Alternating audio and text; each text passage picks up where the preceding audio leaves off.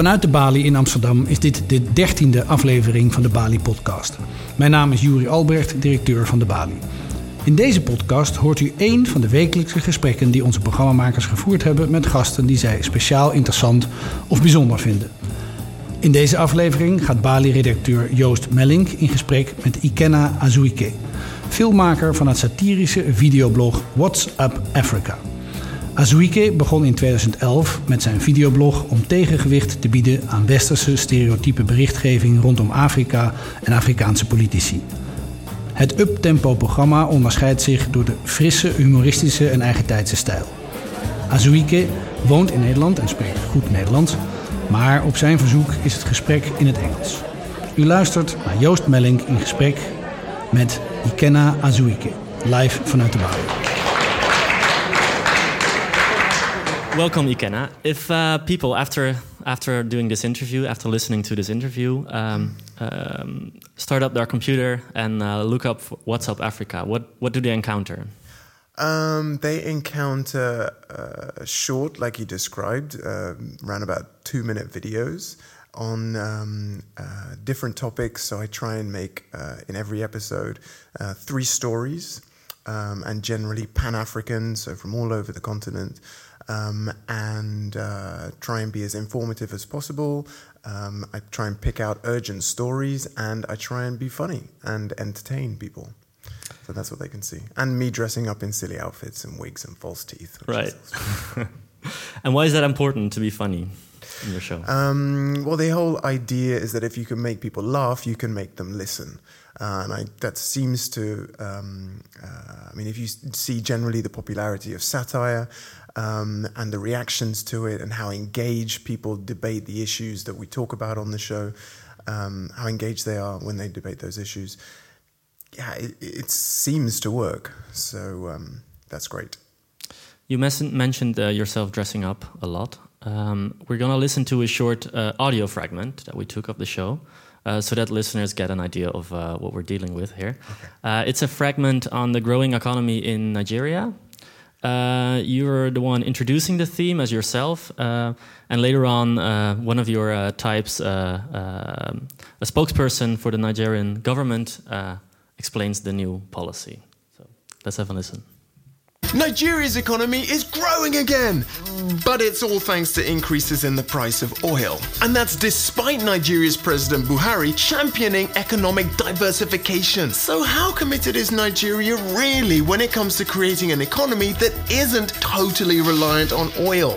Very committed. We have many other thriving businesses like Chichi's Beach Shack, selling a wide variety of colorful bracelets, charms, and knickknacks plus Obina's Barber Salon, which stocks over 12 different hair grooming kits. Ah, Chineke, together these two businesses alone could soon generate almost as many billions as the entire oil sector, my friend. So, what for me is interesting about this fragment in particular is that um, in your show you're using a lot of stereotypes of uh, uh, of African countries. You're um, making you're using accents. Uh, um, I'm watching that, I was thinking, if I would do this, I would be in a lot of trouble. Why is it? Uh, does it seem so fitting in uh, What's Up Africa? Um, well, precisely because you could get in a lot of trouble because uh, for saying things like that. That's what makes it a bit more provocative. That's what makes it um, uh, more interesting, I think, for especially younger viewers to watch. Um, uh, you're saying things that won't be popular. Um, you're trying to uh, um, make authority figures um, and governments less intimidating um, towards the general public. Um, and that's, I think, part of the appeal of What's Up Africa.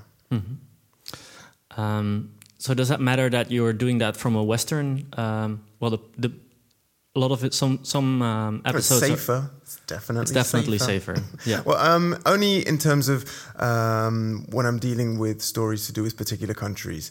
For instance, you know, if if I was trying to do this locally in Luanda in Angola, I don't think I'd be online for, for very long. Um, and the same could be said for certain other countries um, on the continent. But um, Nigeria, I would feel comfortable. There are um, provocative uh, bloggers and, um, uh, and writers and, and Twitterers um, in Nigeria. So for the most part, things are heading in the right way, in the right direction in terms of press freedom, freedom of expression. But there are certainly uh, some countries where uh, things are even going backwards. Yeah. Um, and um, what you're saying is that um, things are moving in, in, a better way, that there is more space for, uh, for freedom of expression. Um, and that brings me about uh, the way that um, Africa is uh, covered in uh, Western uh, media most of the time. And I know that you're quite critical on uh, how it's covered in, for instance, in the Netherlands or in the US. Mm-hmm. Um, what's what's going wrong there?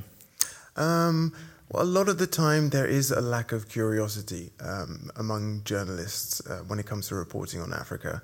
Um, uh, and when they report the big stories, it is just kind of the um, the very easy to to reach angles, uh, and it's almost as if yeah, there's.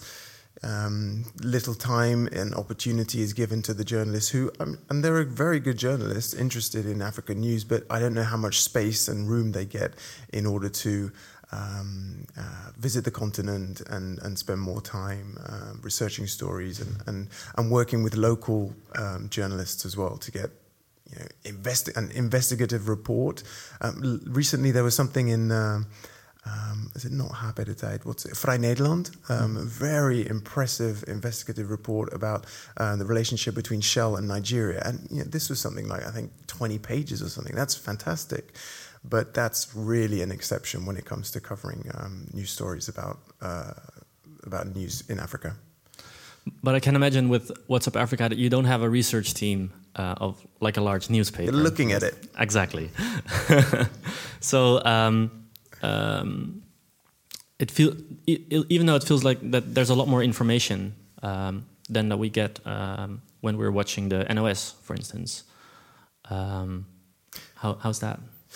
Um, well, uh, um, yeah, I, I, don't, I don't know so much about what what goes on uh, on NOS really, um, but uh, I only have you know forty five seconds per story, um, so there's also a very you know serious limits to the amount of depth I can go into in a story, um, but hopefully I give people uh, enough headlines and.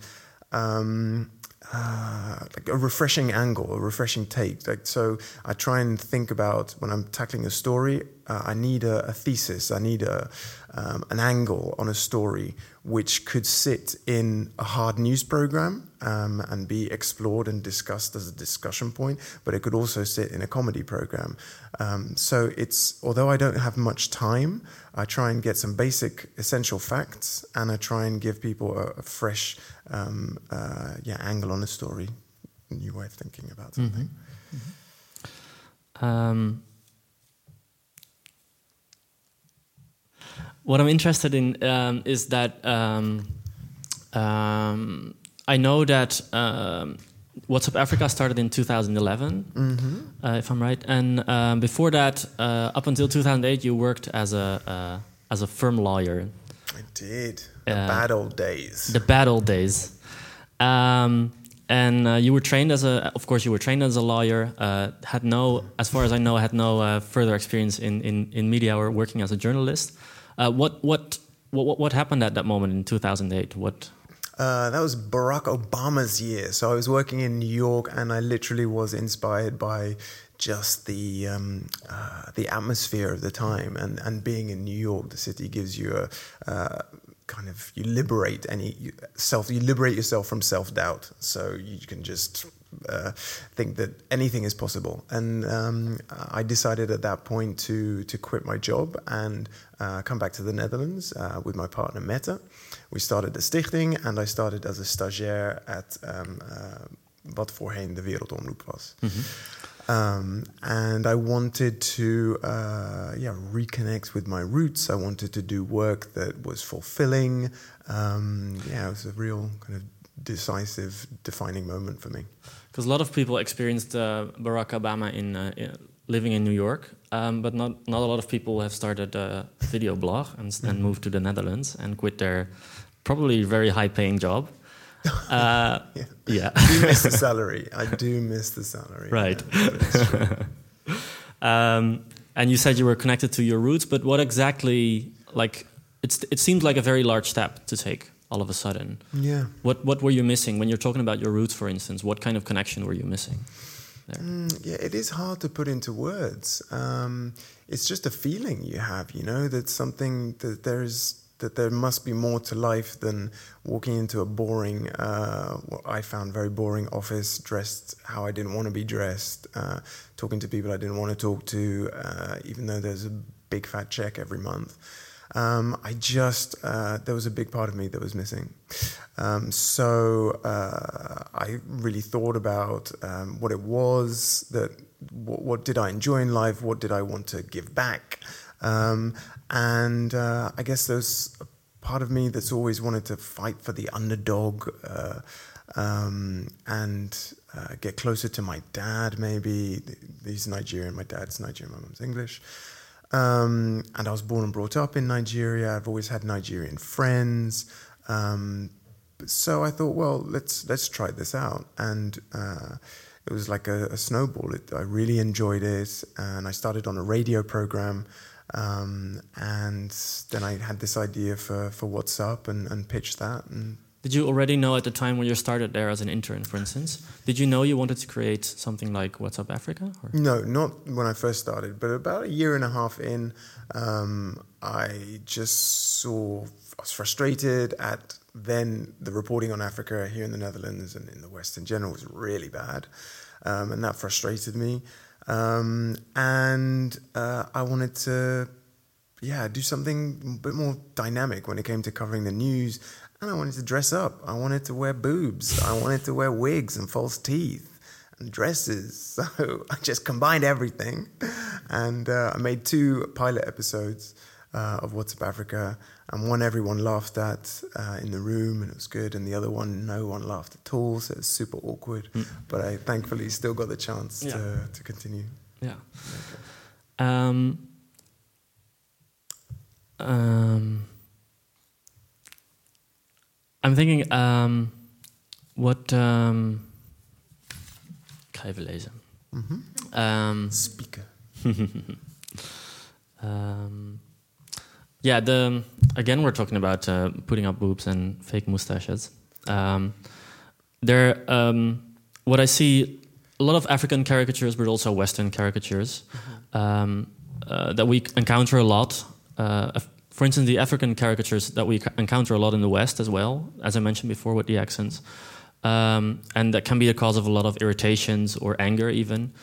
Um, why do you think? What is the special position of What's Up Africa in order to make to make these caricatures work? Yeah. Basically, is there a because because you are also coming from your background? Is there a is there a different position, unique position that you take in?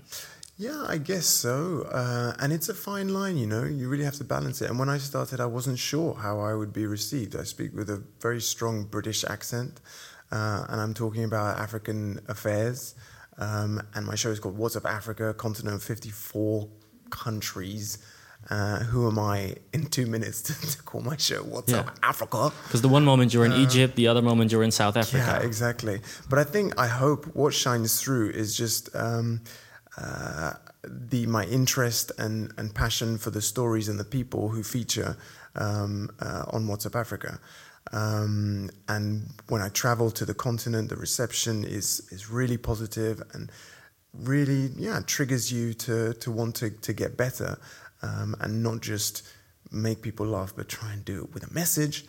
Um, uh, and yeah, that's it's it is very very rewarding. But one thing I would love to do is work with more uh, local talent, uh, and I've tried to do that, but it just requires more time investment, face to face time, being there, um, and that's just not something I can fit in um, to, I guess, yeah, my schedule at the moment. Because do you have, for instance, in the in the countries that you visit for your uh, for filming, do you have uh, uh, do you have uh, journalists there, for instance, that you work with, or do you have a network of people, or Yeah, for sure. there are fixers, there are fans, there are um, uh, yeah people who can just connect me to to the people that I need to know, and there's Twitter.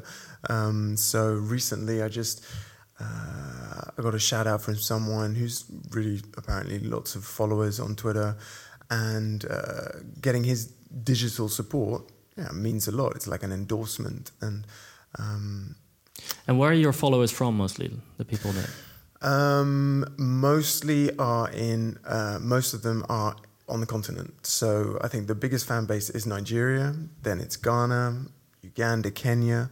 Uh, I'd say eighty percent are on the continent, and then the rest is diaspora. Yeah. That, yeah, out of it's now six hundred thousand, so really special number. Yeah. Um, I don't mean it's like six zero zero is a special number, just a, a lot of people. But um, uh, yeah, it's cool.